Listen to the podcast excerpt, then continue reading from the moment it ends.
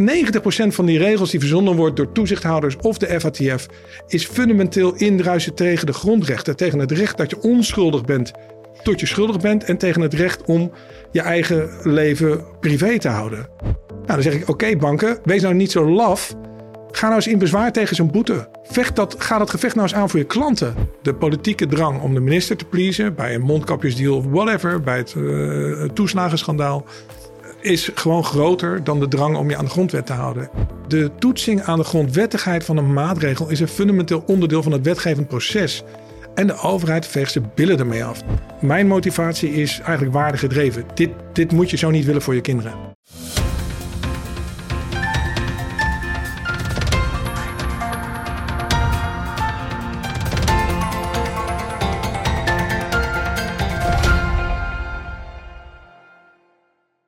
Hallo allemaal, ik ben Paul Buitink en welkom bij weer een nieuwe Holland Gold video. Vind je ons kanaal leuk? Abonneer je dan. En vind je straks een leuke video? Like deze video en deel hem graag met eh, vrienden en familie, want daarmee worden wij beter gevonden en wordt het kanaal weer groter. Ook als je het leuk vindt om uh, dit soort uh, gesprekken ook live bij te, te wonen, kijk dan eens op onze website voor het evenement wat wij 20 oktober gaan organiseren in Ede. We hebben een fantastische line-up. Komen heel veel vrienden en gasten van de show ook langs. En we hebben al ruim 600 kaarten verkocht, dus het gaat, gaat vrij hard. Er is ruimte voor bijna 1000 man. Dus het zou leuk zijn als ik je daar kan zien. 20 oktober in Ede. Kijk op hollandgold.nl slash evenement 2023. Dan het eh, onderwerp van vandaag en mijn gast van vandaag. We gaan het vandaag hebben over eigenlijk een, een, trend die we al tientallen jaren kunnen waarnemen in het financiële systeem, waarbij er steeds meer privacy weggaat en geld steeds meer politiek wordt en steeds minder waardevrij. Ik ga erover praten met iemand uh, die al jarenlang hierin gespecialiseerd is. Hij heeft gewerkt bij de Nederlandse Vereniging voor Banken, bij DNB. Uh, heeft al jarenlang zijn eigen praktijk, betrokken geweest bij verschillende rechtszaken ook om om privacy uh, te verdedigen voor Nederlandse burgers. En hij maakt zich zorgen, nog meer zorgen dan normaal, over een aantal zaken die nu spelen. En daar gaat hij vandaag uitgebreid over praten. Simon Lelyveld. Hi, goedemorgen. Welkom Simon. Middag, avond. Ja, wanneer, wanneer, je dan ook maar kijkt. Wanneer je dan ook kijkt. Ja. Ja, wij, wij hebben regelmatig contact. We hebben ook wel eens in het verleden video's opgenomen, onder meer uh, voor Weltschmerz en ja, voor, ja. voor BNR. Um, en een paar maanden geleden hadden we nog contact over het feit dat ik ineens allerlei vragen kreeg van mijn bank. Vragen die veel te ver gingen, waar je mij ook goed advies hebt gegeven. En recent werd ik dan getriggerd doordat ik zag dat Nigel Farage uh, zijn, zijn bankrekening dreigde kwijt te raken. Ik zeg, joh Simon, we moeten weer eens aan zitten. En toen zei ja Paul, we het doen, want ik heb nog iets anders wat ik wil bespreken. namelijk een, een wijziging die eraan komt in de wet die het nog moeilijker gaat maken voor bijvoorbeeld cryptobedrijven en gebruikers om transacties uh, te doen.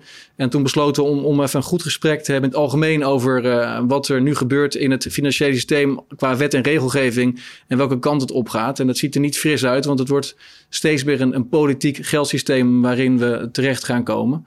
Um, maar misschien goed om, om eerst uh, terug te gaan naar het begin en, en, en wat ontwikkelingen uit de geschiedenis te beschrijven. Want waar is het wat jou betreft, wanneer is het wat jou betreft eigenlijk wanneer misgegaan? Is het precies misgegaan? Ja. Nou ja, wanneer is het misgegaan en, en wat is de concrete ja. urgentie? Eigenlijk de reden dat we dus nu, het is, het is midden uh, zeg maar in mijn vakantie, de reden dat we op tafel zitten is dat die...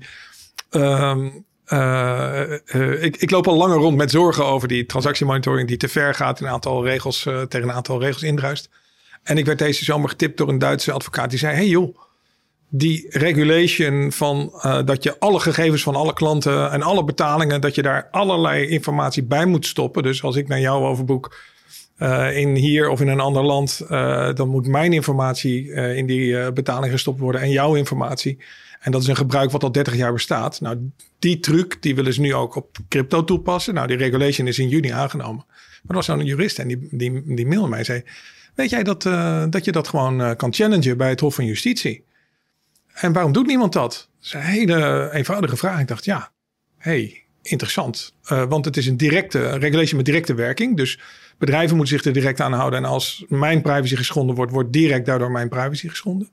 Dus ik dat uh, uit te vogelen en denk, hey, dat is interessant. Ja, dat zouden we eens even moeten onderzoeken. Dus eigenlijk, toen jij contact ja. opnam, toen dacht ik, yes, ik, ik wil graag voor het voetlicht brengen dat Uh, want die, die, dit is een voorbeeld van een regel die afkomstig is vanuit een bepaald instituut, Financial Action Task Force. Ja. En dat wordt nooit uh, bij de rechter op de grondrechten gechallenged. Voordat je daaraan toe bent, ben je zeven jaar verder met allemaal rechtszaken. En dit is omdat de regulations, omdat de regelgeving in Europa steeds vaker directe werking krijgt.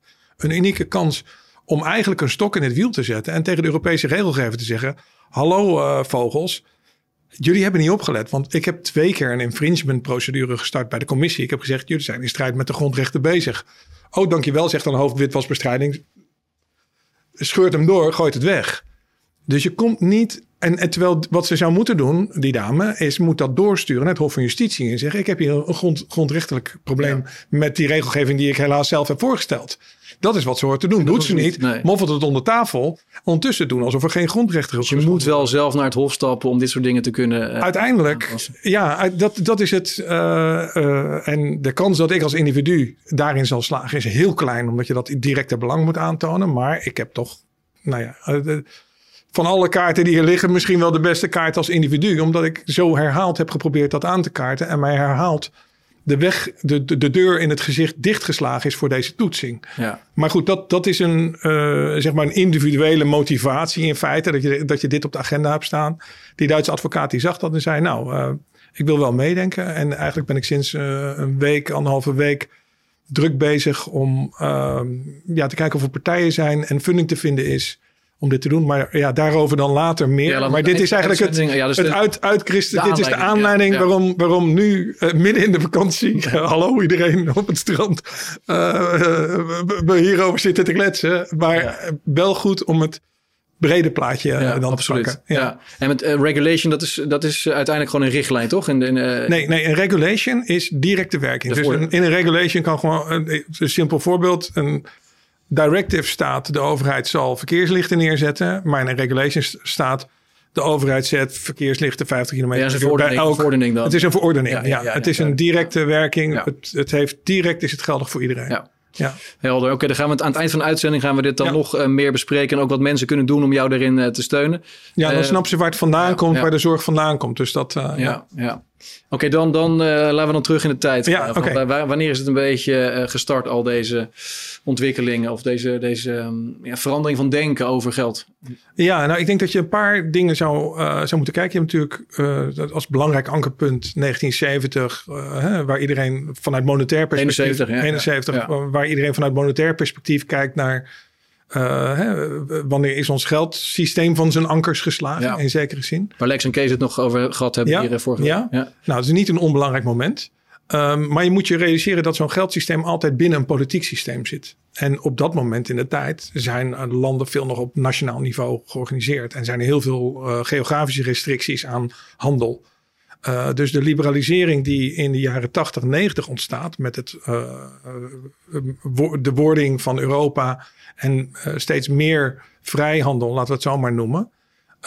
dat is het moment waarop steeds meer handel en meer commercie en meer internationale economische uh, activiteit optreedt. Dat, dat is niet nieuw overigens. We, we hadden eigenlijk 100 jaar geleden, rond 1900, hadden we een super internationale economie. Maar door de Eerste Wereldoorlog werd dat weer gefragmenteerd uh, in stukjes. En het is ook fijn als we wereldwijd, wereldwijd met elkaar handen kunnen doen. Nou ja, er zijn een hele hoop ja. economische voordelen bij. Dus je ziet een ademende beweging door de tijd heen... waarin het super internationaal was. Waarin het door de oorlog wat nationaler geworden is. De goudstandaard hadden we toen rond 1930 een probleem mee. En rond 1970, 71 eh, ook weer een standaard vraagstuk in, het, in de geldsfeer. En geleidelijk aan zie je dan de, de, de juridische uh, vangrails rondom de economie, die zie je uh, losgelaten worden.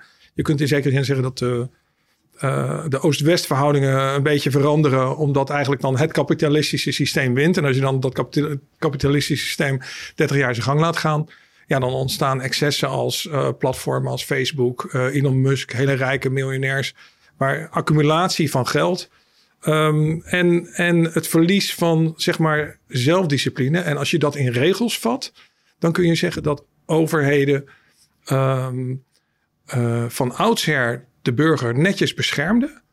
Uh, maar in de economische drang die er is ontstaan, je krijgt dan zeg maar, uh, ja, je krijgt, je krijgt een, een, variatie aan verschijnselen, waardoor de, de korte termijn druk om geld te verdienen groter wordt dan het vermogen om op lange termijn te denken en dingen te doen die goed voor je is. En in die oude, zeg maar, op nationale basis georganiseerde economieën, of grotendeels nationale eh, basis, uh, zaten veel meer veiligheidskleppen. Maar als je overal vrije marktwerking neerzet en overal alles opengooit, dan, uh, ja, dan, dan riskeer je onder druk van de commercie en, en economie ja, een aantal veiligheidskleppen los te laten. En dat is eigenlijk wat je ziet dan op monetair gebied. Daar zijn we eigenlijk ook gewoon maar... Ja, daar wordt het monetair beleid wordt politiek. Maar je ziet eigenlijk dat alles politiek wordt. We denken eigenlijk elk probleem met geld op te kunnen lossen. Of ja, met...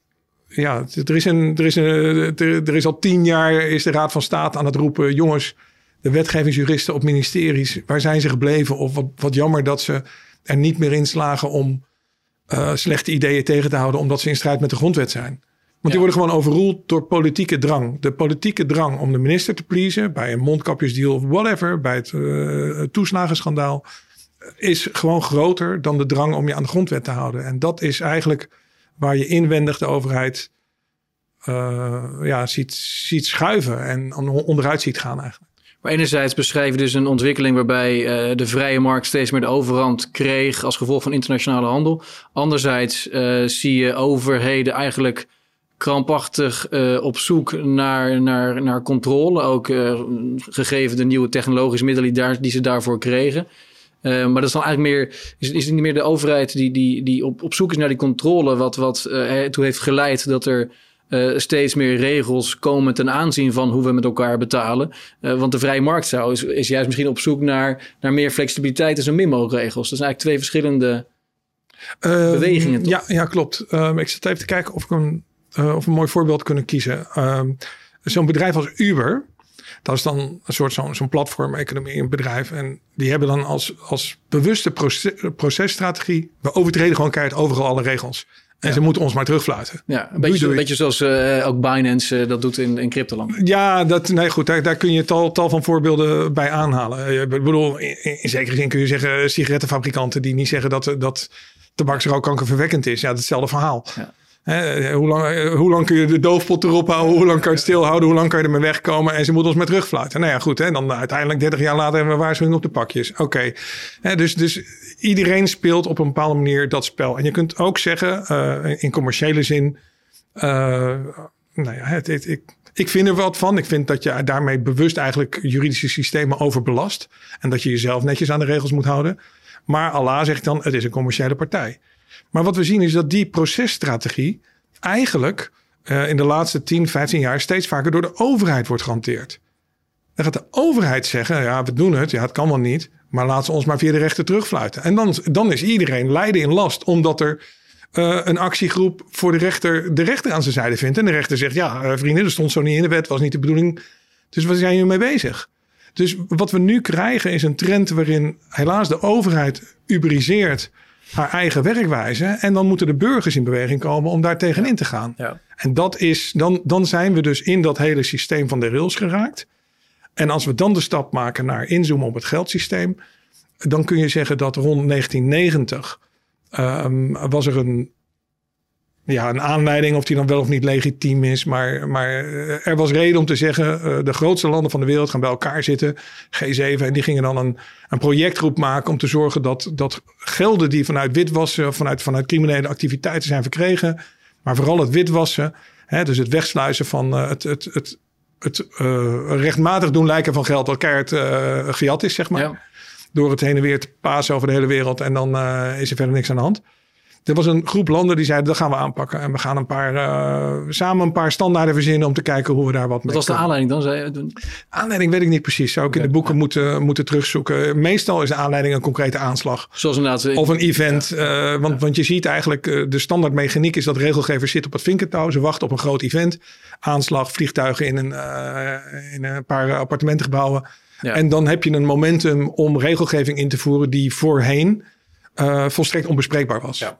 En eh, die uh, anti-witwasregelgeving, wat daar zo bijzonder aan is, er is een clubje, zijn landen bij elkaar gaan zitten. Daar zijn niet de ministeries van Justitie bij elkaar gaan zitten om te zeggen hoe gaan we dat aanpakken. Nee, de ministeries van Financiën. Want witwassen raakt je gewoon in een schatkist. En, dat en de, belastingdienst, de belastingdienst gaat over uh, belastinginkomsten. Dus, dus de ministeries van Financiën dachten... we willen zoveel mogelijk van de illegale poet belasting over kunnen heffen. En weten waar het zit. Dus dat is een belangrijke driver om dat zo in te richten. Um, en daar is de, dat heette toen de Financial Action Task Force. Dat is een projectgroep. En uh, drie keer raden zijn we 30 jaar later. Het is nog steeds een projectgroep. Ja. Het is nog nooit een officiële internationale organisatie geworden.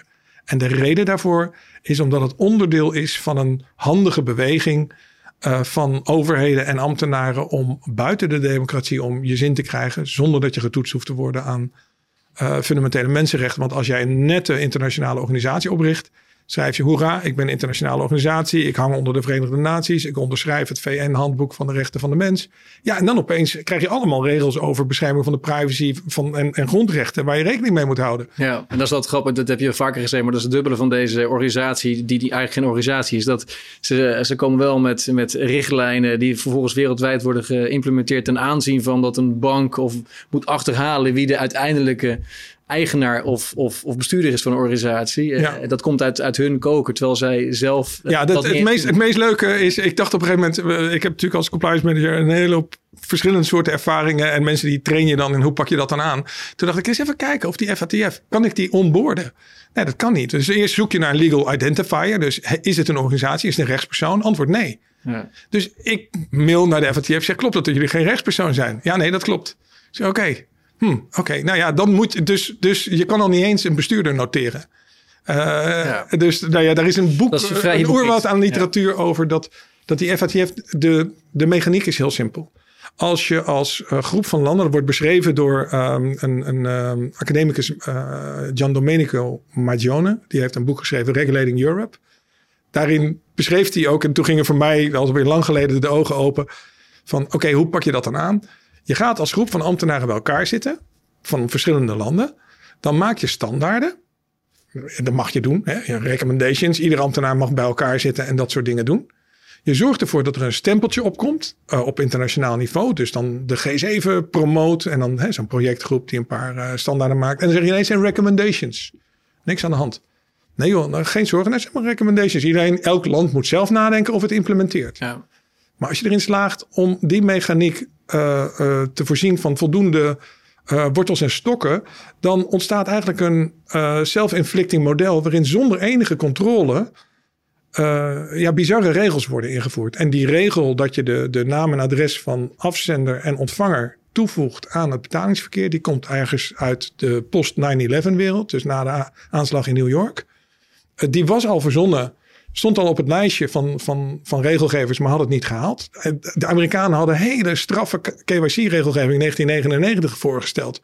Nou, ze hebben nog nooit zoveel commentaar gekregen op regelgeving. Dus dat is ingetrokken destijds, eind uh, uh, vorige eeuw, in Amerika. Onder groot verzet van allerlei privacy specialisten. Dus die hele set van regelgeving, no-go area. Heel duidelijk politieke tegenstand. Nou, dan vliegen er twee vliegtuigen in die. Uh, en de Twin Towers. En dan krijg je de Patriot Act. En in no time is opeens die regel erdoor. En binnen twee weken nadat dat, dat gebeurd was, zaten de Amerikanen alle SWIFT-berichten af te tappen. En dat werd pas vijf jaar later bekend. Maar ja, dat, uh, sommige mensen zullen dan zeggen: oké, okay, uh, dat is uh, geen toeval. Zo'n aanslag wordt bewust geënsceneerd om dit soort wetgevingen door te drukken. Hoe kijk je daar tegen? Ja, flauw. nou, hij wordt niet geanceneerd, zeg maar. Ehm, de regelgevers zijn gewoon heel pragmatisch. Dus er is een laag van regelgeving de Europese regelgever die wil iets bereiken. Alle lidstaten komen bij elkaar. Uh, met name als je naar elektronisch geldregelgeving kijkt, dan zie je dat de uh, vrijstellingsruimte voor hoeveel, met, ja, voor hoeveel geld kun je een boekenbon uitgeven. Dus moet je voor een boekenbon iedereen identificeren per elke boekenbon van 50 euro? Of mag je voor 1000 euro boekenbonnen verkopen zonder dat die geïdentificeerd hoeft te worden? Want de boekenbon is, is een financieel instrument, dus daar geldt dat voor. Nou, dan zie je bijvoorbeeld dat voor dat soort prepaid uh, elektronisch geld, zoals dat heet. Dat, daar zijn de regels in de afgelopen tien jaar iedere keer aange, aangescherpt. En het moment om ze aan te scherpen is er iedere keer na een aanslag. Ja, never waste a good crisis. Dat zie je ja, zo. Dus, dus dat zie je, dat mechaniek zie je gebeuren. Ja. Maar we zagen dus in, uh, na die aanslag in New York die regels veranderen. Um, eigenlijk was toen het witwassen al een beetje, je moet je ook voorstellen, in die beleidswereld is net als wasmachines. Je hebt gewoon de eerste versie wasmachine, de tweede versie wasmachine en de derde versie wasmachine. Dus vanaf 1989 tot en met 9-11 was het, ja, witwas moeten we wat mee doen. Maar toen hadden we een nieuw speeltje in town, terrorist finance. Dus dan upgrade je de wasmachine naar, nee, is ook voor terrorist finance. En dan moet iedereen maar uitleggen dat hij niet bereid is om, dat, dat hij tegen terrorist finance is. Je bent toch niet tegen, je bent toch niet tegen terrorismefinanciering? Toch? Waarom wil je dat niet invoeren? Ja, nee, dat is het argument dat dus. Ja, ja, ja dus dat, dat uh, nou, dan flink wat druk voor en achter de schermen. Niemand vertelt erbij dat die FATF, kijk, dan kunnen prima als een paar ambtenaren besluiten om te zeggen, we gaan een paar regels doen. Maar dan kun je in elk land nog wel zinvol nadenken over de vraag, maar dit is een domme regel. En dat ook. Ja. Dus wat we in Nederland hebben gedaan in 2019 is tegen Hoekstra gezegd, yo, jij doet voor die crypto vrienden die regel met dat adres erin stoppen, dat kan technisch niet. Maar het is ook nergens voor nodig. Want als jij elke seconde een politieagent kan laten bellen en die informatie kan krijgen als iemand verdacht is van witwas of terrorismefinanciering. En er is een verplichting om dat binnen een dag aan te leveren. Nou, without undue delay staat er in de wet. Hoezo zou je dan van je hele database met alle transacties alle informatie in het rond spreiden? Dan kan je denken, ja, dan zet het op het internet, weet je. Ik bedoel, ja. dat is zo'n disproportioneel onlogisch idee. Nou, de reden daarachter is omdat we in een trein zitten. We gaan door, we gaan door, we doen hetzelfde. Dat is gewoon groupthink dan. Want wat was nou de reden waarom dit allemaal wordt opgetuigd? Enerzijds... Nou, langdurige hypnose, maar hè, dus, dus als je 30 jaar lang uh, met een ambtenarengroep regels maakt en steeds uh, een, een, een, groot systeem optuigt. Dus het begon in 1990, kleine projectgroep. We gaan wat standaarden doen. Achter de schermen uh, ontstaat dan het idee, we gaan peer pressure doen. Dus we gaan groepsdruk uitoefenen op alle landen van de wereld, zodat ze die ja. regels gaan implementeren. Nou, hoe doe je dat? Nou, doordat Amerika met zijn purchasing power, met zijn in, inkoopmacht, tegen alle landen in de wereld zegt: Nou, als jij niet meedoet aan ons spel. Want ook gaan wij een Rusland en China, die hebben ook deze regels uh, in zekere zin toe. In zekere zin. Iedereen wordt een soort van in dat harnas gejast. En uh, daar is een druk achter vanuit uh, een, een, een, onzichtbare politieke druk. Waarin Amerika niet met zoveel woorden zegt van ja, maar dan kopen we bij jou geen F-16's. Maar soms zeggen ze wel met zoveel woorden. Ja. Dus een permanente economische druk omdat je ook met een systeem van zwarte en grijze lijsten werkt. Als je als land op die zwarte of grijze lijst komt, dan raak je gewoon afgesneden van het politieke, van, van het geldsysteem.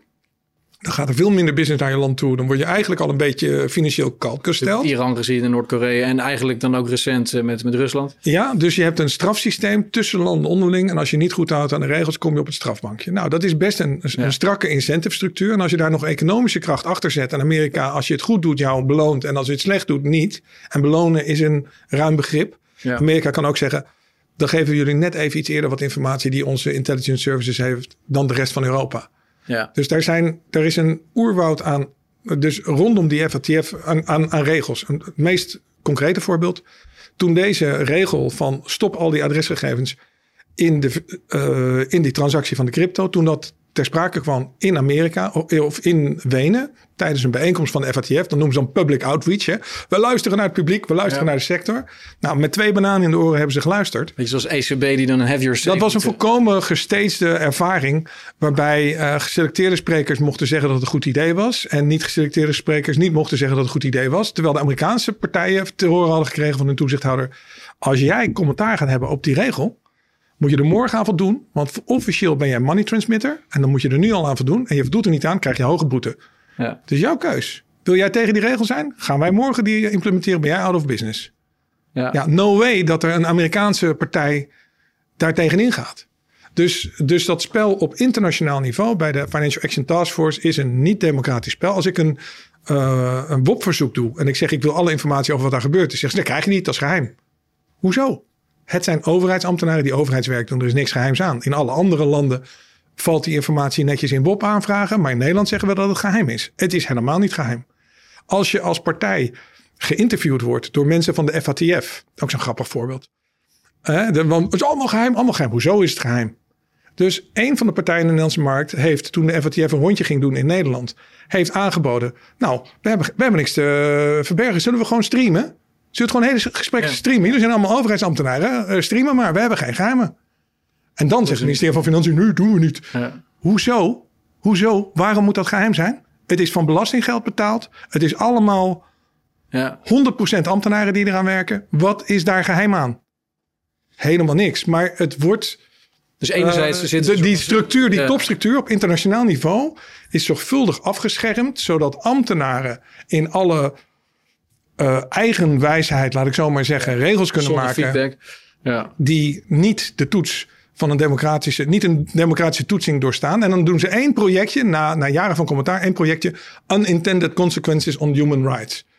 Ja, want we hebben zoveel kritiek gehad dat ze toch ook een klein projectje doen om te kijken van goh, of, of, of, uh, of het verordoneren van massamonitoring door het hele financiële systeem heen, al 30 jaar lang, zonder goede grondrechtentoets, of dat dan wel handig is of niet. Ja, dat, dat, maar je zegt ze dat topmechaniek, dat klopt niet. Maar tegelijkertijd uh, beseffen ze dus dat uh, op het moment dat, dat, dat we de vraag over stellen, dat we transparant willen maken over waarom en hoe die regels werken, dan houden ze de boot af. Dus ze weten donders goed dat dit uiteindelijk uh, per saldo gewoon slecht is voor de samenleving.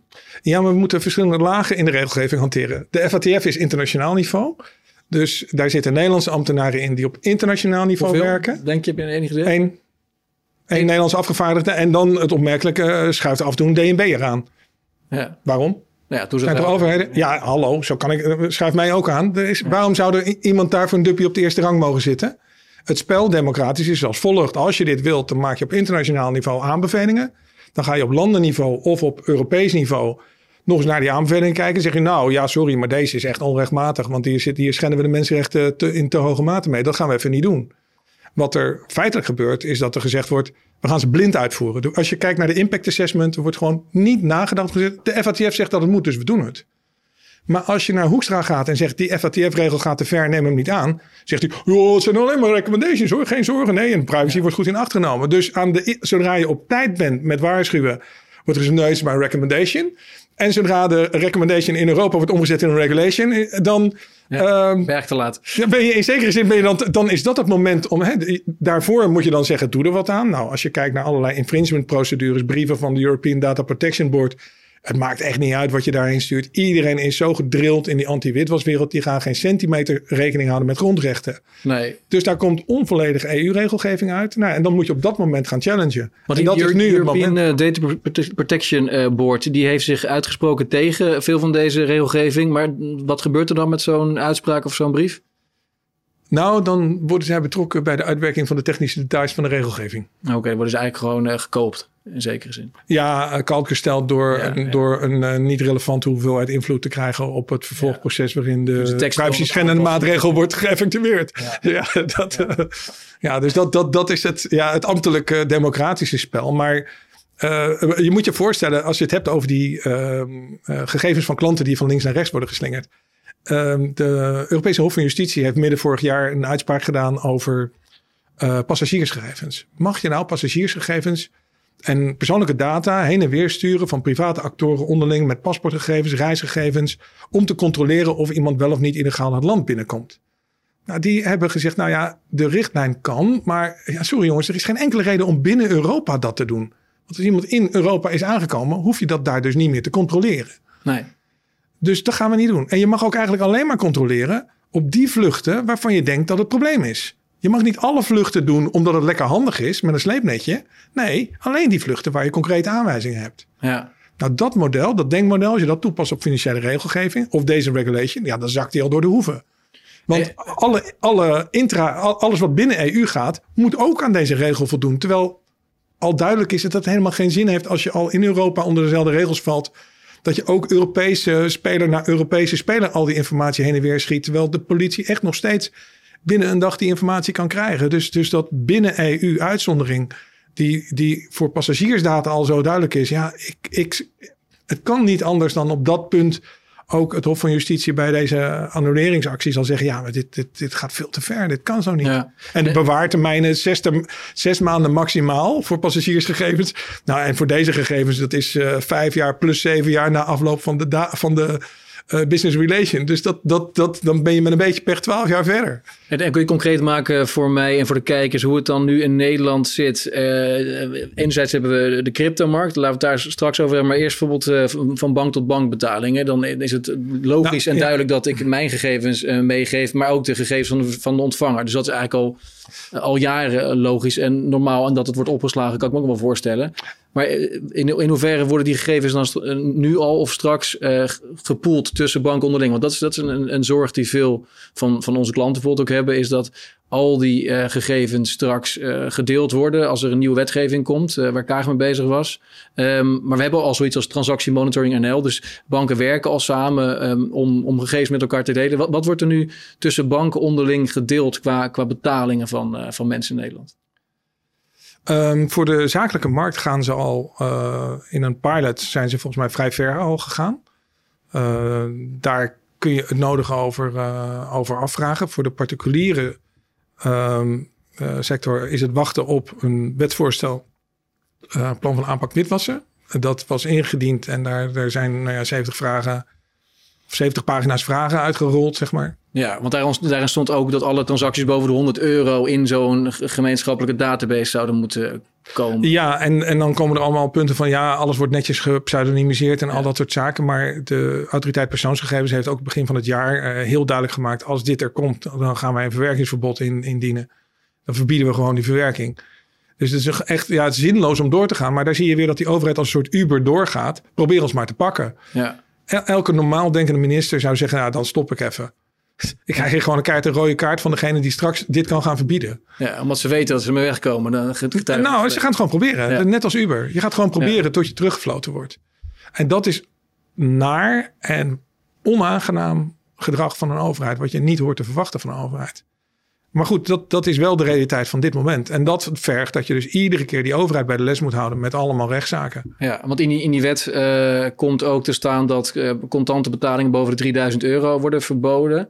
Uh, maar wanneer verwacht je dat die wet uiteindelijk dan wordt doorgevoerd? Je gaf net aan, ja, daar, gaat, daar komt er gelijk een verwerkingsverbod. Maar verwacht je dat die wet bijvoorbeeld in, tijdens de huidige uh, kabinetperiode uh, demissionair nog uh, doorkomt? Of? Nou ja, ik mag aannemen dat, dat politieke partijen zich zullen realiseren dat met een demissionair kabinet een wet aannemen waar een van de meest relevante toezichthouders van zegt als die er komt, te doe ik een verwerkingsstop. Ja, zou controversieel moeten zijn, zou je Dat lijkt me vrij controversieel. Ja. als je de definitie van controversieel wil en je hebt een van de uitvoeringsinstanties in die wet die zegt we gaan het even niet doen, ja, dan ben je volgens mij klaar. Maar, maar ja, wat dat betreft is de politiek ook gepolitiseerd, zou je haast kunnen zeggen.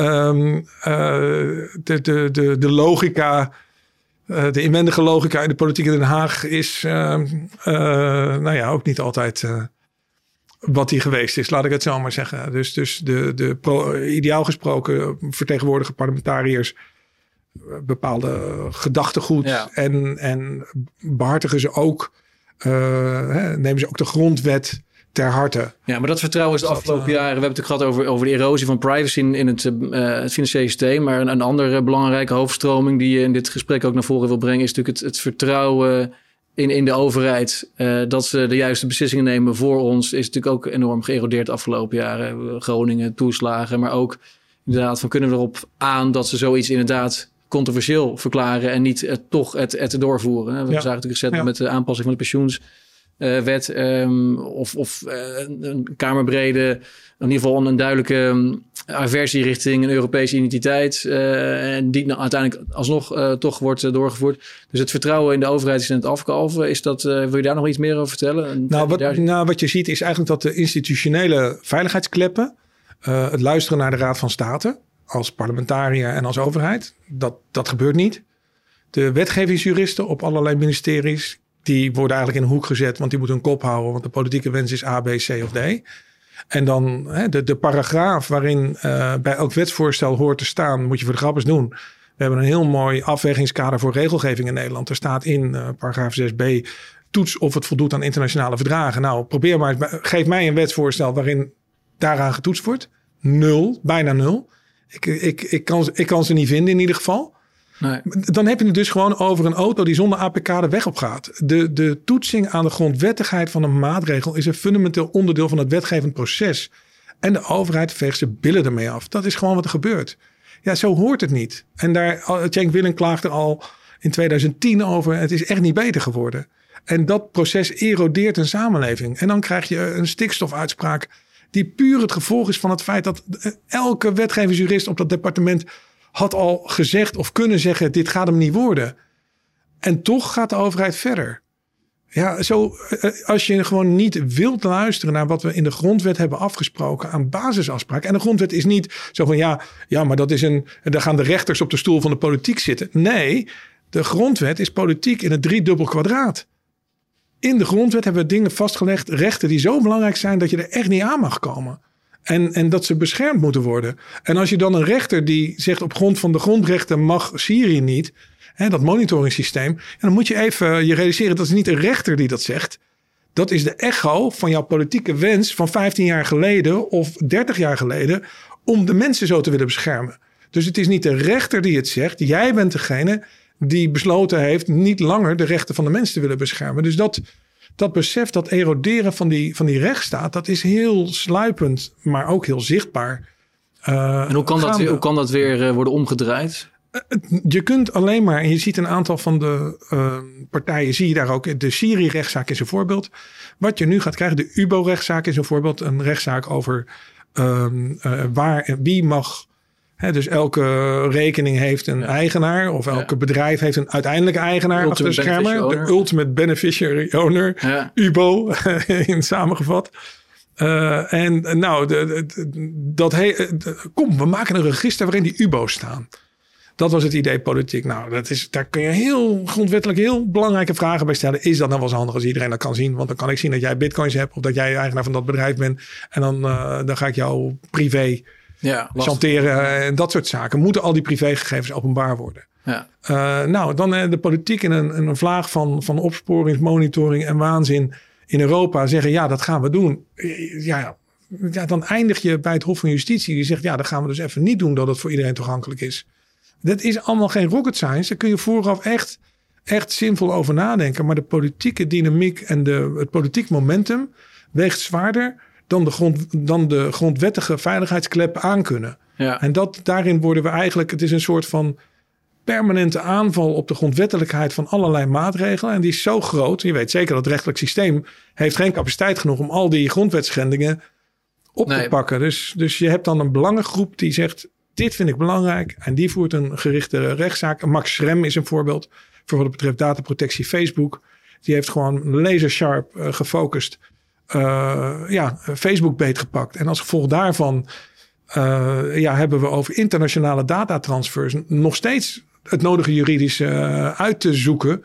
Want jouw gegevens liggen daar in Amerika. En als ze in Amerika liggen, dan mag de FBI erbij, mag iedereen erbij. Ja, maar als, als de, de, de overheid op die manier iedere keer toch uh, um, zijn hoofd tegen de muur stoot, dan, dan zal het misschien op een gegeven moment leiden tot het besef dat dat ik zie dat besef niet indalen. Ik zou dat hopen. ik zie dat besef niet indalen.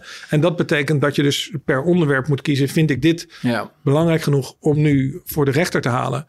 Um, maar ja, op, microniveau. Ik ben, ben zelf... Uh, probeer te switchen van kabelprovider. Nou, dan, dan kom je in een eeuwige loop van ik heb opgezegd. Dan zegt ze, je hebt niet opgezegd. Ja, ik heb wel opgezegd. Nee, ik heb niet opgezegd. Ja, maar kijk maar dat. Ja, maar toen hebben we dit. Kortom, ik kon gewoon niet even makkelijk opzeggen. Dan houden ze me nog vier maanden langer aan het contract. Omdat ik niet makkelijk kon opzeggen. Terwijl ik echt op honderd manieren geprobeerd heb op te zeggen. Nou, dat soort geleuter. Ja, ik ben gestopt om met klantenserviceafdeling te bellen. Ik stuur nu gewoon een concept handhavingsverzoek naar de baas van zo'n tent. Ik zeg je, ik ga je nu naar de uh, autoriteit consument en markt sturen. Want je overtreedt die regel in het uh, boek over cold calling. En je gaat dit voor mij regelen. Want ik heb geen zin in deze onzin. En dat werkt. En dat is gewoon binnen een week geregeld. Ja, ja. Je moet stoppen met praten. Je moet niet meer in die geautomatiseerde bureaucratie gaan vallen. Met al die callcenters. Je moet gewoon pats direct voor de juridische actie als, de, als er goede constructieve wil aan ginse zijde ontbreekt om naar de regels van de wet en naar, naar fatsoen te handelen, dan heeft het geen zin om, om daar nog op te vertrouwen. Dan moet je gewoon maar direct door voor de rechter. Dus ik sla dat, dat ik maak dat gesprekgedeelte uh, heel kort. Uh, ik breng het uh, terug naar welke regel is overtreden. En dan gaat de formele actie de deur uit. Want ja. ik heb hier geen zin in deze flauwe. Ja, veel mensen beschikken natuurlijk niet over de juridische kennis. Die dat is hebt, dus mijn dat... voordeel. Ja, ja precies. Dus, dus ik trek dan de juiste wetboeken erbij en dan gaat het snel. Uh, maar goed, ook voor familie en vrienden mag ik nog wel eens. Ja, ja, ja. Hey, en, en... Het is de reden waarom ik jou uh, hielp bij de vragen ja, van ja. jouw bank, zeg maar. Van ja, maar hier gaan ze toch echt over de schreef. En... Zeer zwaar over de schreef, inderdaad. Nou, maar, ook, en ook, ook, maar ook hoe ze het dan uh, uiteindelijk, een bank die sluit dan ook een brief af met daaronder team compliance. Niet eens een persoon noemen, alleen maar compliance. Om het, om het wat, wat, wat vager te houden, ook waarschijnlijk om hun eigen mensen te beschermen. Maar dat tekent ook alweer dat ze eigenlijk zich misschien wel schamen of enerzijds niet helemaal overtuigd, van, uh, overtuigd zijn van het feit dat ze het goede doen. Want anders zou je daar gewoon met naam onder zo'n brief uh, willen staan, neem ik aan.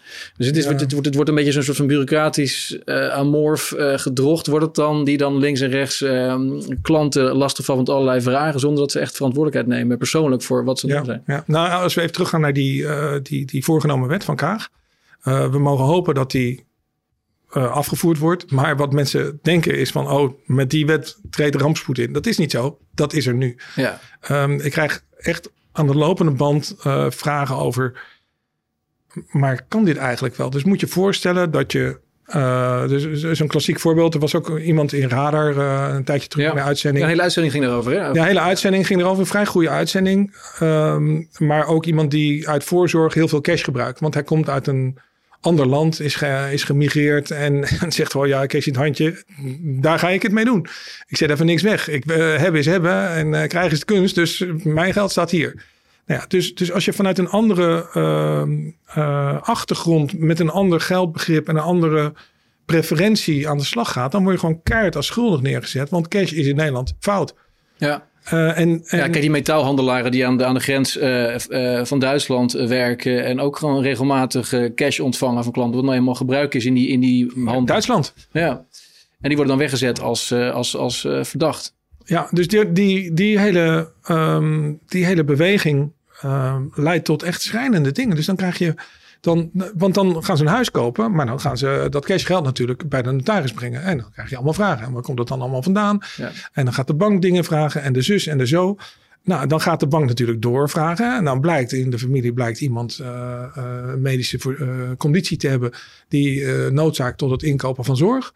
En dan krijgen ze notabene brieven. Ja, let even op regelgevertjes, denk even mee. moet je horen. U gaat geld, zorg inkopen bij een zorgaanbieder, maar we weten dat zorgaanbieders dat daar oplichters tussen zitten. Dus dan bent u aan het witwassen. En daarom vinden we dat u maar even bij ons niet uh, moet bankieren. Ja. Helemaal geshuffeld. Dus dan zit je al in een lastige situatie. Dan probeer je zorgvuldig je eigen dingen te doen. En dan krijg je van de bank van een of andere no-no inderdaad van compliance die je dan niet kent. Een standaard antwoord. Ja, ik snap ook dat er zorgaanbieders zijn die witwassen. Maar moet je dan dat gegeven aan een individuele klant in zijn gezicht slingeren omdat hij een kind met een bepaalde medische conditie heeft? Nee, uh, Hoe ver kan je zakken? Ethisch, uh, maar zover zijn we al gezakt. En het aantal momenten dat je dat ziet gebeuren is Ja. veel en veel te groot. En dat, Maar er was recent wel een overeenkomst gesloten tussen de Nederlandse Vereniging van Banken en het ministerie van Financiën. Om, kijk, uiteindelijk die banken die doen dit, geloof ik oprecht, ook niet voor de lol. Want die zijn gewoon bang voor boetes. Eh, In het verleden hebben natuurlijk eh, banken megaboetes gekregen en ook bestuurders aan de spraak gesteld. Dus die willen dat voorkomen. Eerder in je betoog gaf je aan dat de vrije markt eh, te ver is doorgeschoten. Maar ik denk juist dat in een vrije markt, dan zou je meer een soort van crypto-situatie hebben, waarbij iedereen elkaar gewoon kan betalen zonder dat er altijd veel vragen worden gesteld.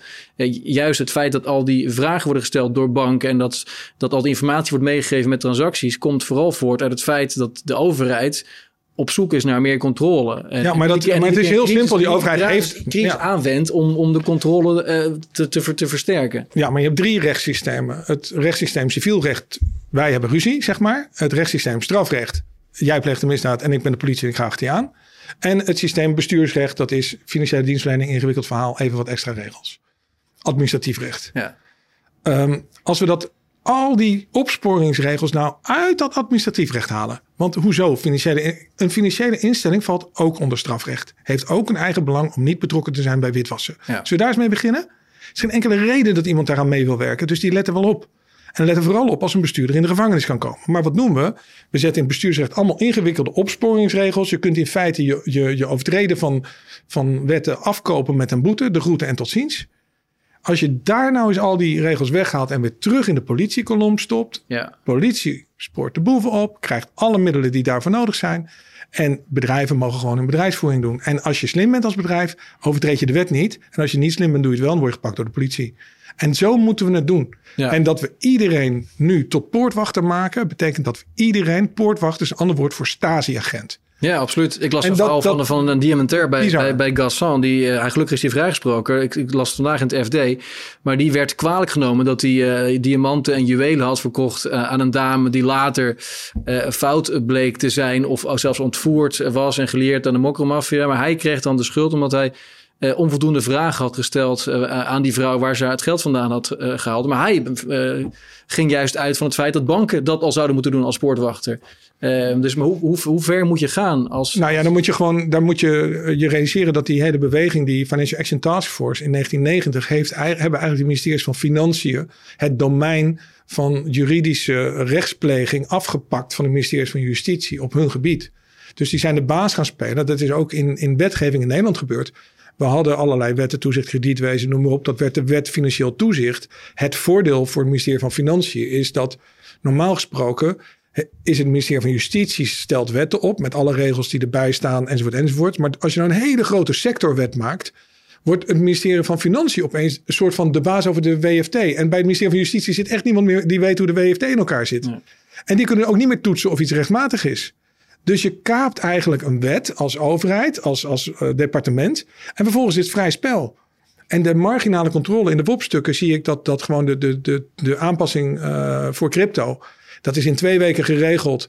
Met een mailtje heen en weer van financiën naar uh, justitie. Ja, mogen we even jullie akkoord enzovoort enzovoort. Nou, flop, flop, flop. En dan gaat hij.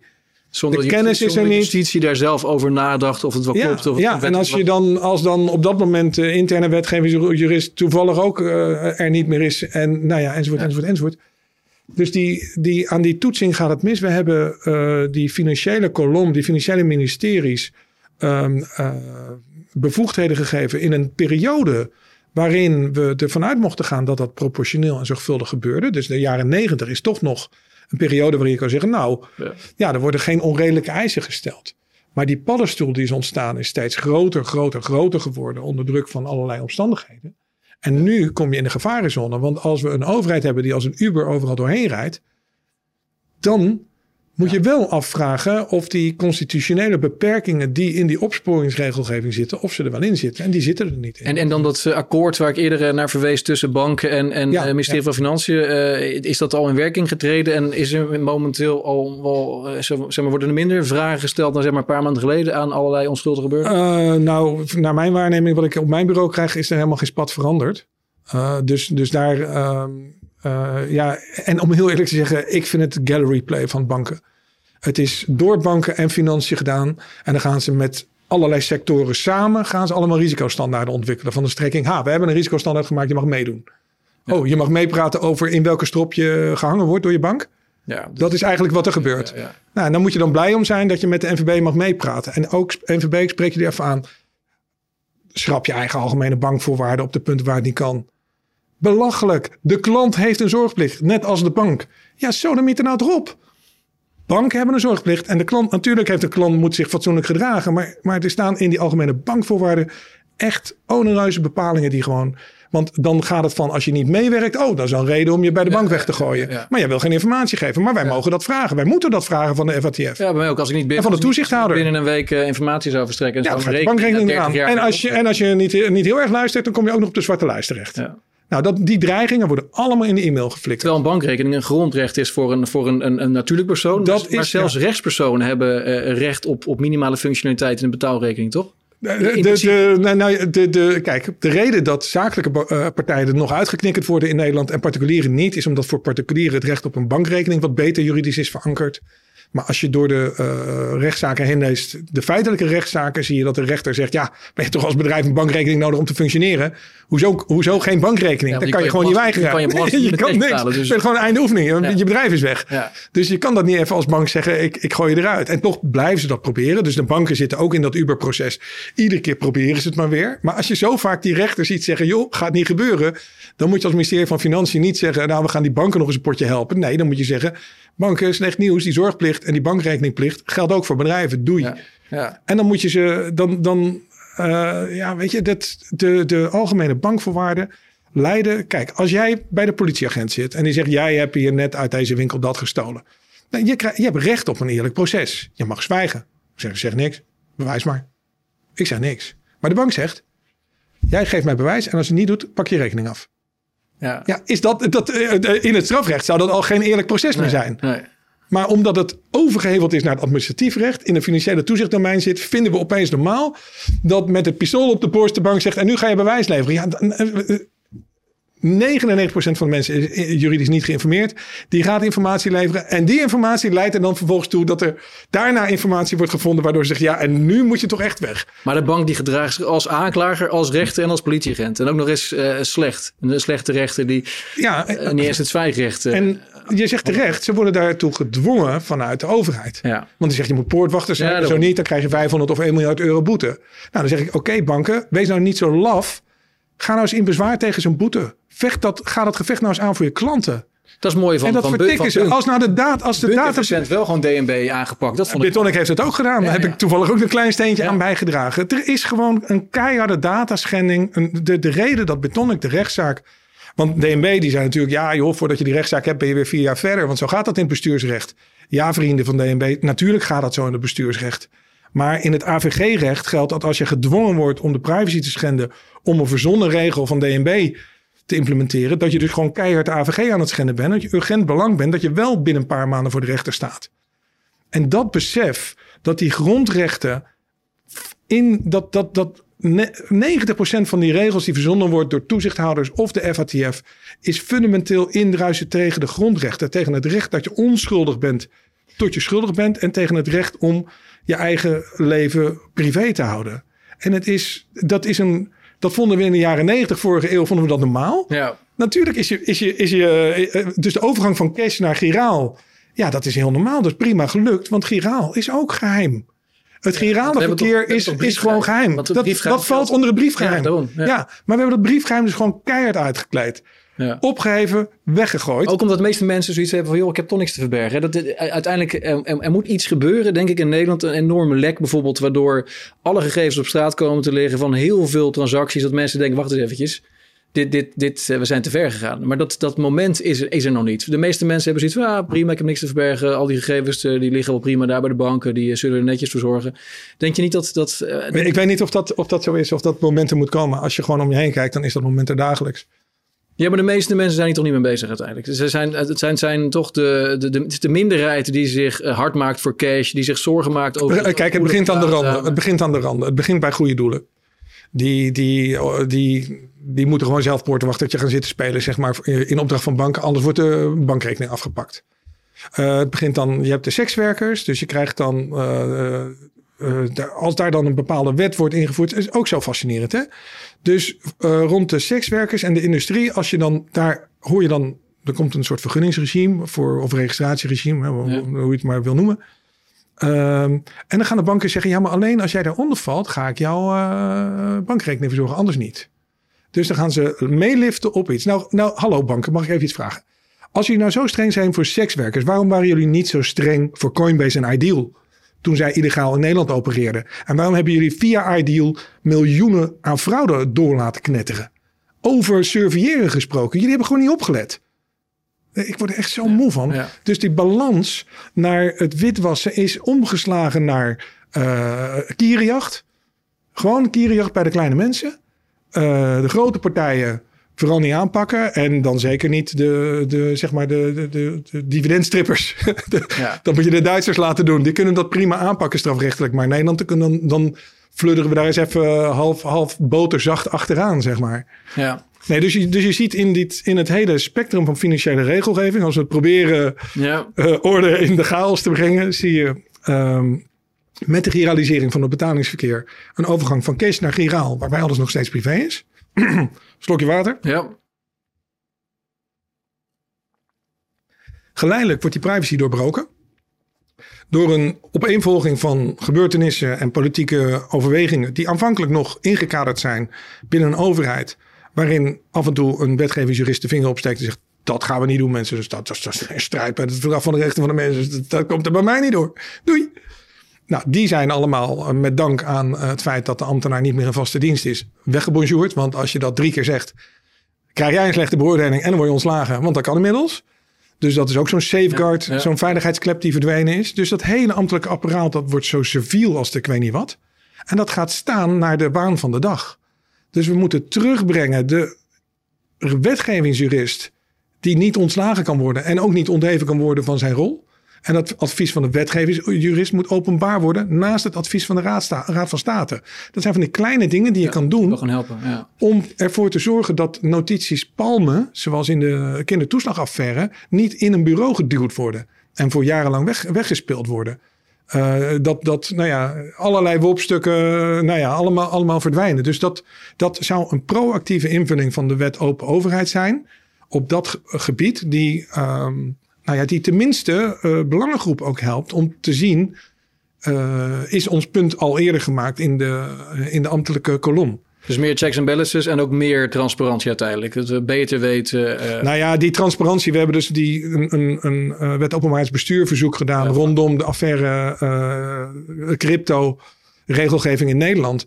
Ja, en dan zie je de Nederlandse bank terugschrijven aan het ministerie, van Financiën. Zeggen we moeten ons houden aan het advies van de Raad van State. En dan schrijft de Nederlandse bank terug. Dat is voor ons geen optie ja, dat is dus de Uber-mentaliteit bij een toezichthouder geworden. Ja. En ik geloof 100% dat iedereen die daar zit vanuit oprechte integriteit probeert zijn werk te doen.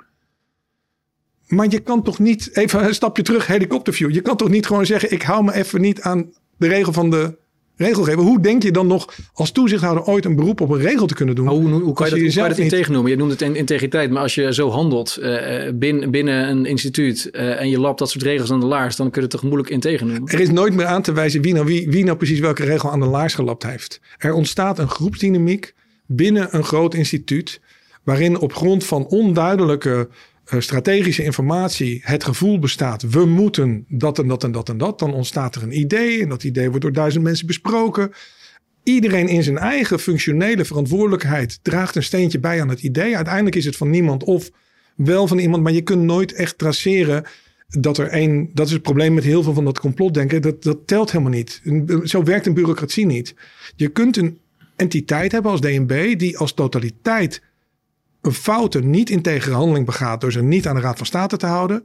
Terwijl je 100% zeker weet dat daar niemand zit. Want als je het allemaal individueel vraagt, wil niemand zich niet aan de wet houden. Ja. Dus, dus, dus, je, dus dat, dat is de paradox van de ja. uberende overheid. Het zijn echt, het, het zijn, iedereen probeert echt wel het beste op zijn eigen vakgebied ervan te maken. Maar soms wordt het eindresultaat door omstandigheden en politiek momentum toch net onrechtmatig. En dan moet je dus naar de rechter. Binnen de DNB begrijp ik dat, dat zo'n dynamiek op een gegeven moment werkt. En dat uh, alle individuele um, ambtenaren... Maar dat gebeurt ook in het politieke Maar daarboven proces. heb je natuurlijk wel partijen zoals de FATF... Uh, eh, waar een, en wel een hele duidelijke politieke druk vanuit bijvoorbeeld Amerika achter zit. Dus ik denk uiteindelijk als je maar ver genoeg uh, de boom ingaat... kom je wel bij... Um, personen terecht die absoluut niet in tegenhandelen en het beste voor hebben met bijvoorbeeld de, de samenleving als geheel, maar bepaalde persoonlijke uh, belangen nastreven, zoals dominantie van, van. Nou ja, dan, maar dat brengt je in een heel ander kwadrant. Ja. Um, uh, de, Uiteindelijk trekken mensen aan touwtjes. Ja, ja oké, okay, maar dan, dan moet je eh, politiek-economisch. Uh, er zijn een aantal hele goede studies over hoe de Verenigde Staten de governance van de uh, Wereldbank geleidelijk aan naar zijn hand heeft gezet. En dat is een proces van 20 of 30 jaar. Uh, dus daar, daar, daar beweeg je op een bepaalde manier. Uh, en, en politieke uh, wetenschappers die, die, die kijken dan naar van... hé, hey, kijk, dat is interessant, er gebeurt het, het volgende. Dus als je op die manier kijkt, dan zie je hoe de VS haar eigen privébelangen weet te verankeren in de governance van een instituut, zodat ze uiteindelijk altijd aan het langste eind trekt. Ja. Op nou, een hele slimme manier. De, de Wolfowitz-doctrine, dat ze uiteindelijk uh, geen, geen, geen concurrent naast zich dulden op het wereldtoneel en uiteindelijk ook het financiële systeem uh, als wapen zijn gaan zien en ook zijn gaan inzetten. Dat, dat heeft uiteindelijk al natuurlijk te maken ook met hoe regelgeving tot stand komt en hoe dat wordt uitgestrooid over, nou ja, in, in, over partijen ik, ja, die in haar invloed, invloedssfeer zitten. Ja, ik ben nog, ik ben nog zoekende naar de. de ik, er zijn al verschillende verschillende goede analyses gemaakt over die Financial Action Task Force. Um, ik heb niet de tijd om die allemaal nee. bij elkaar te harken. Maar um, ik heb inmiddels in die, in die actie die we doen voldoende. Er is spontaan geld op me afgekomen, zeg maar. Ja, want gaan we dus dat, dus, ja, inzoomen op ja, jou als, als laatste punt. Ja. Inzoomen op jou. Maar maak je, maak je punt af. Maar um, uh, en een deel daarvan wil ik gebruiken om de meest recente uh, wetenschappelijke literatuur over de FATF en het oh. gebrek aan governance en de manier waarop de VS eigenlijk de FATF gehijacked heeft, gegijzeld heeft, zeg maar, voor haar doelen. Uh, want dat valt e-, eigenlijk in een staande school van politiek-economische literatuur. Die niet zo heel spannend is, maar die eigenlijk heel erg spannend is, omdat die uh, dat, dat gevoel van, ja, maar dat is een paling in Emmersnot. Eerst zeggen ze dat het een recommendation is. En dan opeens is het een regulation geworden omdat het moet van Europa. Dus, maar het is onderdeel van, van, van de financiële infrastructuur zoals die wordt gedomineerd door de VS. Je hebt Wereldbank, je hebt IMF waar ze de facto een, een veto hebben. Je hebt SWIFT als, als, als ehm, boodschappensysteem. Dan heb je wetgeving zoals FATF, waarschijnlijk ook nog de Basel. Tot nou ja, extraterritoriale. Ja, ja. Bij, bij, die, bij, bij die structuur die is gecreëerd eigenlijk na de Tweede Wereldoorlog, waarin Amerika. Nou, nou er, zitten, er zitten wat nieuwe randjes in. Dus de Amerikaanse overheid is uh, de laatste 20, 30 jaren met regelgeving over US persons heel ver gegaan, omdat ze eigenlijk extraterritoriale werking toekent aan US persons. Daarom heb je in Nederland die hele problemen met accidental Americans. Ja. je bent toevallig Amerikaan en dan, uh, dan moet jouw bank opeens dit. Dus de banken knikkeren al die Amerikanen of die namaak Amerikanen eruit. Ja, dat is allemaal het gevolg van. Dus daar, daar zit een, een zekere Amerikaanse agenda. Die is straffer geworden vanaf zeg maar het jaar 2000. Heel veel straffer. Um, en tegelijkertijd uh, en, en um, intrusiever. Dus, dus heel veel data ja. opzuigen vanuit het financiële systeem. Um, uh, en tegelijkertijd uh, kun je zien dat de, de, de geopolitieke bewegingen, dus het, het geldsysteem aan zich. Dus, dus we zijn er nu aan gewend dat overal zitten van die monitordingetjes en kan alles stilgezet worden. En vanwege sancties mag jij niet meer naar die betalen. Maar daar zijn we ook alweer een stap verder gegaan. Want een MKB'er bij de Rabobank kan dan niet meer naar een cryptospeler uh, betalen. Nee. En als ik mijn crowdsourcing bij de knap wil binnen laat komen, dan moet echt zeker geen bitcoins binnenkomen, want anders raak ik mijn rekening kwijt. Kijk, als je maar genoeg uh, banken uh, hebt, dan, dan maakt het mij ook niet zo heel veel uit als ze zakelijk moeilijk doen. Dat je makkelijk kunt switchen naar een andere rekening, dan is het probleem op zich ook opgelost. Nee, maar wacht even. Jij pakt je telefoon. ik geef jou een nummer. En dan komt opeens de operator ertussen en die zegt: Meneer Buiting, dat nummer gaan we niet bellen. Ja. Nee, ja, het, het, is, het is een 0900 nummer met een hele dubieuze eigenaar. Dus dat gaan we niet doen. Dus ik breek, verbreek de verbinding. Doe, je kan het niet bellen. Nou ja, jij wou de horoscoop van de dag waar je over vraagt. Ja, ja. jij denkt er is niks aan de hand. Je kent goed, nou, sorry, sorry. Ja, nee, dat kan niet. Als wij het debiel vinden dat een, uh, dat woord neem ik terug. Als wij het niet normaal vinden dat een uh, uh, telecomprovider niet elke dag meeluistert en je gesprekken onderbreekt en stilzet, dan moet je dat ook niet normaal vinden als dat met geld gebeurt. Doen we met gas, water en licht ook niet? Ja, nee, goed. Dus dat, dat, het, ja. je, de aard van de dienst en wat daarbij hoort, dit is echt een, echt een brug te ver. Dus. Nee, dat, dat blijft ook altijd mooi van cashbetalingen. Wij hebben hier regelmatig klanten die met cash betalen. En het, het, het voelt als, als een hele eerlijke transactie. Boter bij de vis. Jij geeft mij cash, ik geef ja. jou goud. En, en niemand hoeft daar, uh, hoeft daar mee te kijken. Hey, dan nog je la het laatste punt. Uh, was voor jou de aanleiding ook om hier uitgebreid ja, uh, je ja. verhaal te doen. Toch belangrijk om, om hier aandacht voor te vragen. Um, nog even, je hebt het ook kort genoeg, maar nog even um, in de herhaling. wat, welke zaak ben je nu mee bezig? Oké. Okay. En waarom is het belangrijk voor, voor, voor de kijker? Oké. Okay. Um, een van de belangrijkste, of een, een van de regels die na die aanslag in New York is ingevoerd in het banksysteem is als je een overboeking doet van A naar B, stoppen we de gegevens van de afzender en van de ontvanger erbij. Uh, ik heb op dat, moment bij de Nederlandse Vereniging van Banken gewerkt aan een handleiding om dat te implementeren. Nou, dan ga je alle banken langs en zeg je, ja, hier op de handleiding. En dan krijg je natuurlijk alles over je heen. Namelijk, maar dit gaat nergens over. Wat, wie denken ze te vangen? Denken ze dat iemand geld overboekt naar O.B. laden? en dat we hem dan tegenhouden ja. of zo? Is dat de gedachte? Nou, dan, dan daar, dat kan je niet uitleggen. Dus het enige wat je dan kan zeggen, ja, sorry jongens, ik snap dat dit gewoon volstrekt zinloos is. Dit is 100% een zinloze actie. Daar gaan we niemand mee vangen. Dat had jij toen wel door als integer ambtenaar. Ieder, maar iedereen bij banken ook. Ja, ja. Nee, en dan was ik geen ambtenaar, zat ik bij de Nederlandse Vereniging van Banken. Okay. Dus, dus, dus semi-ambtenaar. Nee, nee, dan ben je gewoon belangenbevechter voor de banken. Daar moet je ook helder in zijn. Dus uh, daarom, daarom spreek ze ook zo uh, stevig aan. het is allemaal een belangenspel. Um, maar dat was toen op dat moment al gewoon niet. Ja, maar waarom moet het dan? Het moet van Amerika. En we willen toch niet in het uh, potje gevangen worden van je weigert mee te helpen terrorisme te vangen. Maar ja, jongens, mensen, voor 70 euro kun je een aanslag uitvoeren. Dus het, überhaupt het idee dat je via financiële transacties een terroristische aanslag kan voorkomen, is, is bizar. Gaat je never nooit lukken. Maar goed, uh, die, die logica die schuiven we terzijde. Um, uh, en waarom schuiven die terzijde? Omdat die Amerikaanse drang om die regel in te voeren zo groot is. Dus die Amerikaanse push, de regie over dit soort internationale structuren is zo groot. Dus op dat moment was dat toen al een dom idee. Nou, wat moet je met domme ideeën doen? Ja, niet weggooien. uitvoeren, ja. weggooien. En zeker als ze heel veel tijd en geld kosten. En uh, in potentie tot heel veel databreaches kunnen leiden of uh, slechte impact. Nou, nu komt er twintig jaar later. De, de hele wereld is veranderd. Hè? Dus je kan zeggen, nou, in, in, in, in hè, vlak, na, vlak na 2000 kon je nog wel zeggen dat de internationale data-infrastructuur en communicatie-infrastructuur nog niet overal optimaal was om data uit te wisselen. Hè? Zinloos argument, maar laten we dat even aannemen. Dan zijn we nu 20 jaar verder. Dan ben ik echt zeker dat overal breedband en internetconnecties liggen om spot on, als jij informatie wil over het een of het ander, krijg je dat per seconde direct.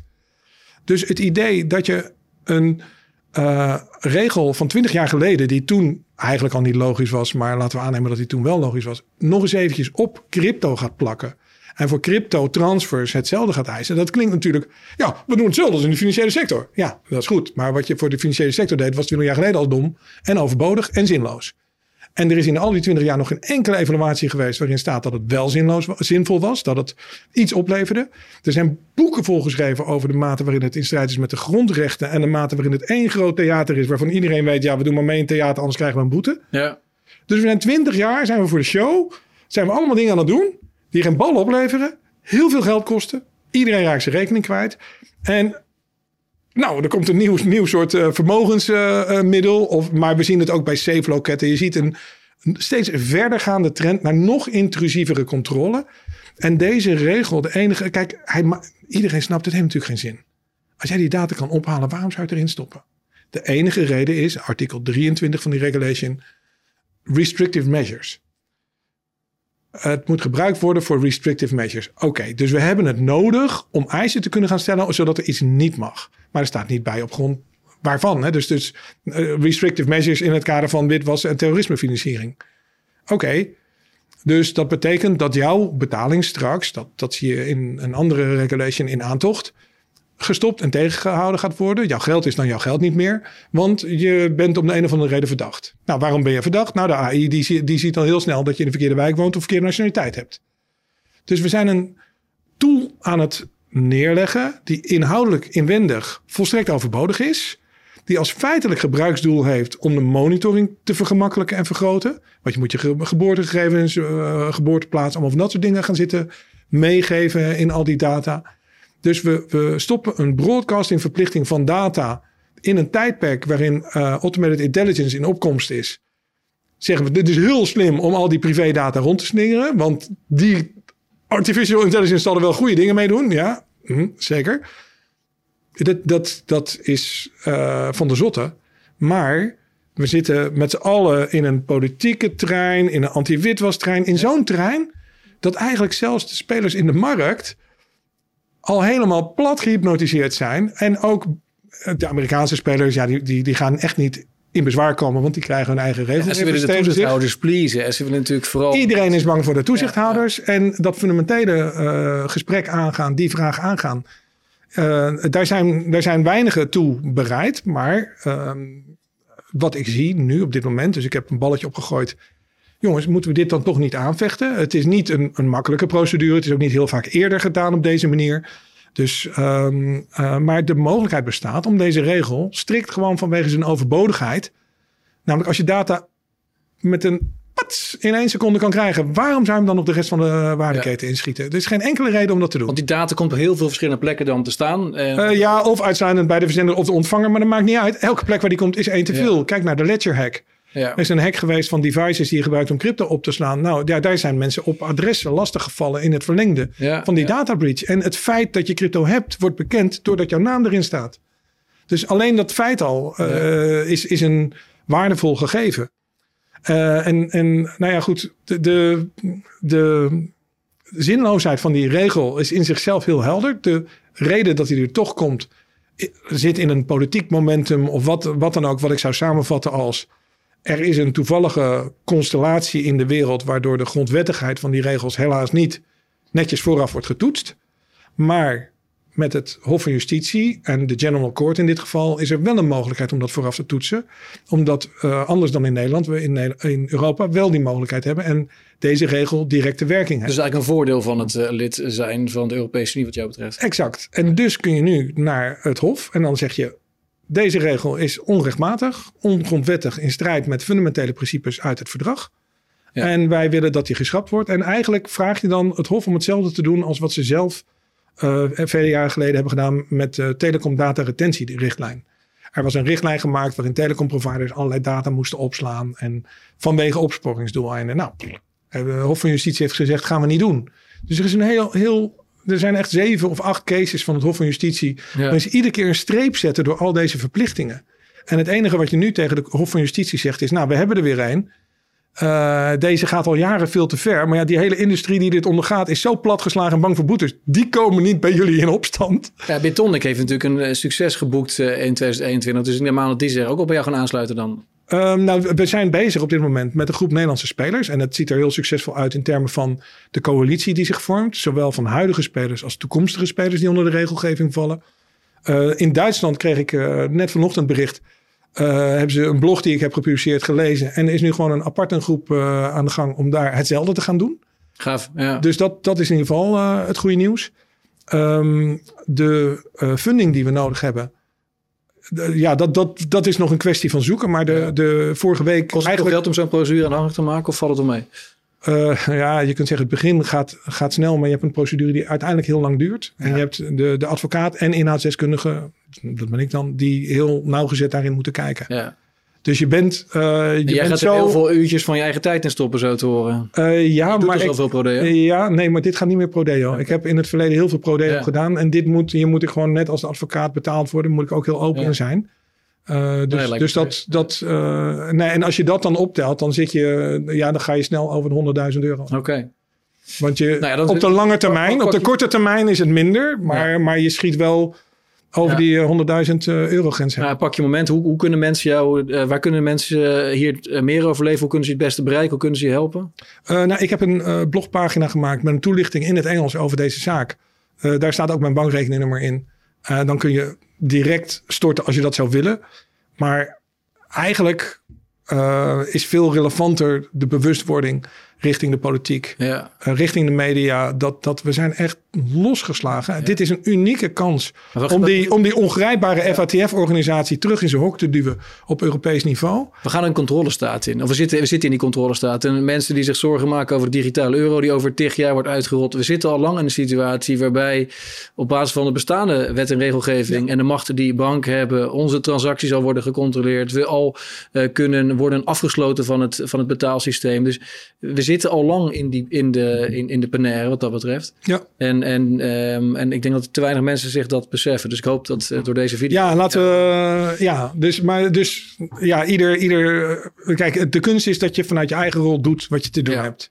Ik vind dat ik vanuit mijn rol dit te doen heb. Ik heb, uh, nou ja, twintig jaar geleden die zinloze regel in het bankwezen ja. ingevoerd. En ik zie hem nu voor de crypto aankomen. denk jongens. Ja. Spijt, het, spijt, het is 20... spijt, spijt van je werk van 20 jaar geleden? Um, ja, dat is een goede vraag. Uh, ik weet niet. Het heeft me de tools gegeven om dit nu aan te kaarten.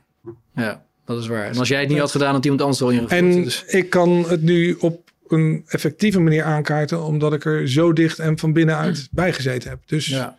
Maar ik waardeer, en minnen. Ik ja. waardeer in ieder geval heel erg uh, je nobele werk. Soms voelt het misschien een beetje als Don Quixote. Uh, maar uh, ik ben blij dat je je verhaal hebt verteld. En ik weet dat er veel politici en, en ook centrale bankiers kijken.